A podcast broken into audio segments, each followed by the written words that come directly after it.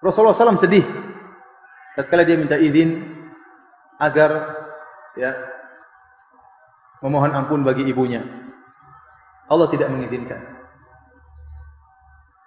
Dan kalau Rasulullah SAW minta izin untuk menziarahi ibunya, maka diizinkan oleh Allah Subhanahu wa taala.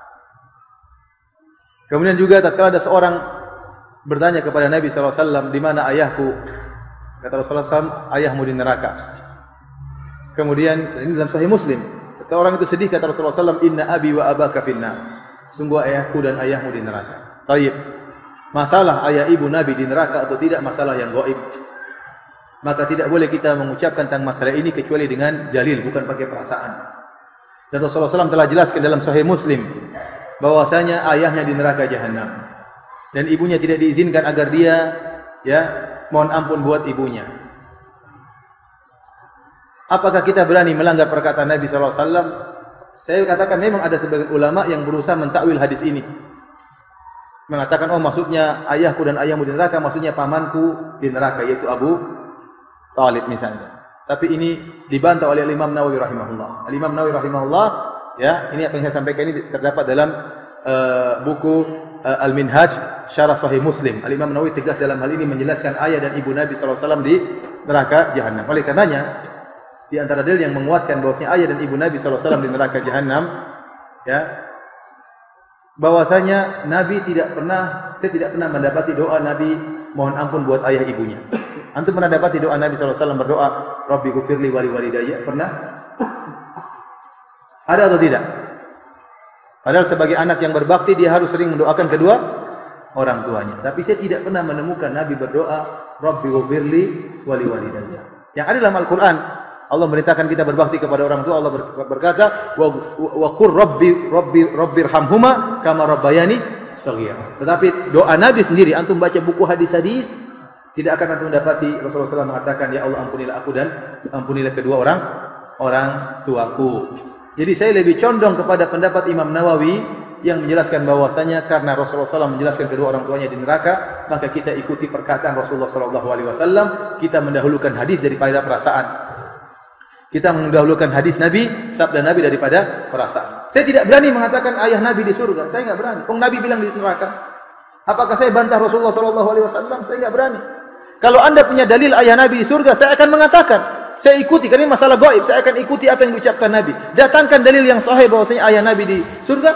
Apa susahnya bagi saya mengatakan ayah Nabi di surga? Tidak ada susahnya kalau ada dalilnya.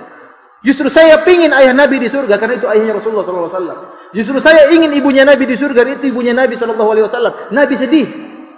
Tatkala mengunjungi kuburan ibunya sampai Nabi menangis wa abkaman haulahu para sahabat juga ikut nangis.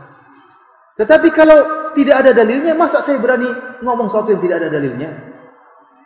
Baik, ada yang mengatakan ada hadis menunjukkan Rasulullah SAW menghidupkan kembali kedua orang tuanya suruh masuk Islam, akhirnya masuk surga. Hadisnya lemah, hadisnya palsu, tidak ada tidak kuat dibandingkan dengan hadis dalam Sahih Muslim. Dan wallah alam ada hikmah di balik itu. Wallah alam besok kita tidak tahu ada hikmah apa yang Allah kehendaki. Tapi pasti ada hikmahnya. Ada yang mengatakan dengan perasaannya, Ustadz bagaimana ibu Nabi masuk neraka sementara Nabi pernah di perutnya selama sembilan bulan. Saya bilang dia punya jasa.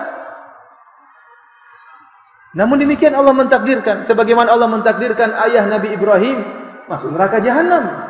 Padahal Ibrahim tidak muncul kecuali melalui air mani ayahnya. Secara umum, meskipun Allah itu kuasa bikin mukjizat, tapi tetap ada nilai rasionalitasnya. Apa nilai? Karena Ka'bah itu di cekungan terbawah, maka mata air ya di situ. Bang, ya? Makanya zam-zam ya dekat dekat Ka'bah. Meskipun Allah bisa bikin air di puncak gunung, tapi itu kan betul lucu kan. Maksudnya normali sumberan neng cekungan. Kan ya lucu. Banyak milih munggah kan ya lucu. Darah di sulapan malah ribet kan. Jadi Allah itu meskipun kuasa melakukan apa saja tetapi gak ada ajro alamat rodil adat atau alamut torodil adat. Sesuatu dibikin itu sesuai adat. Nah, termasuk adat orang soleh itu turunannya orang soleh, turunan saleh. Makanya zuriyatam ba'duha.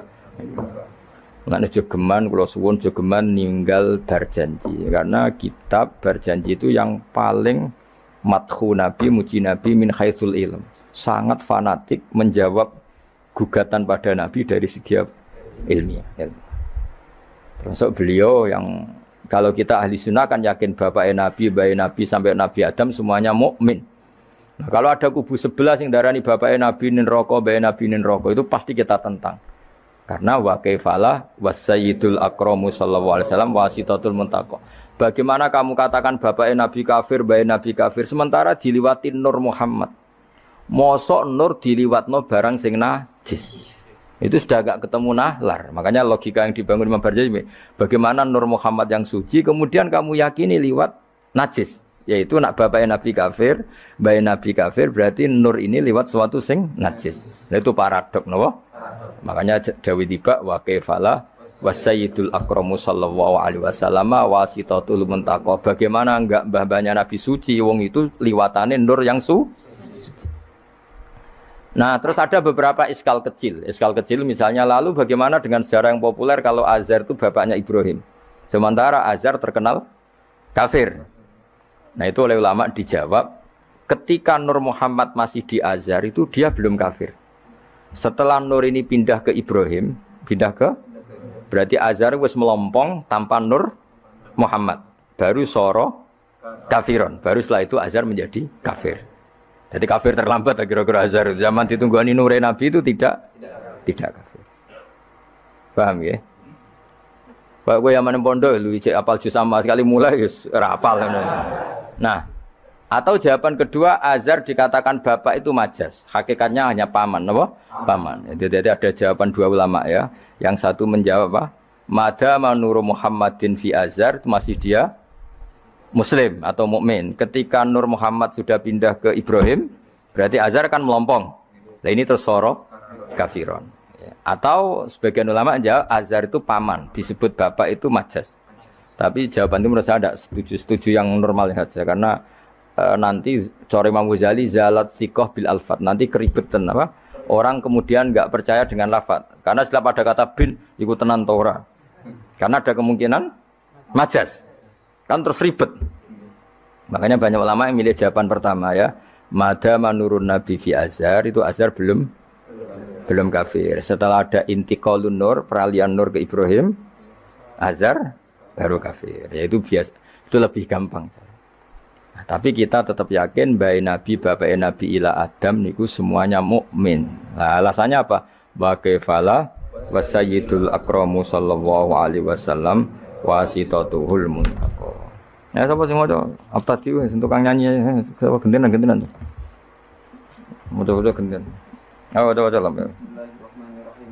Al-jannatu ونعيمها سعد لمن يصلي ويسلم ويبارك عليه بسم الله الرحمن الرحيم أبتدئ الإملاء بسم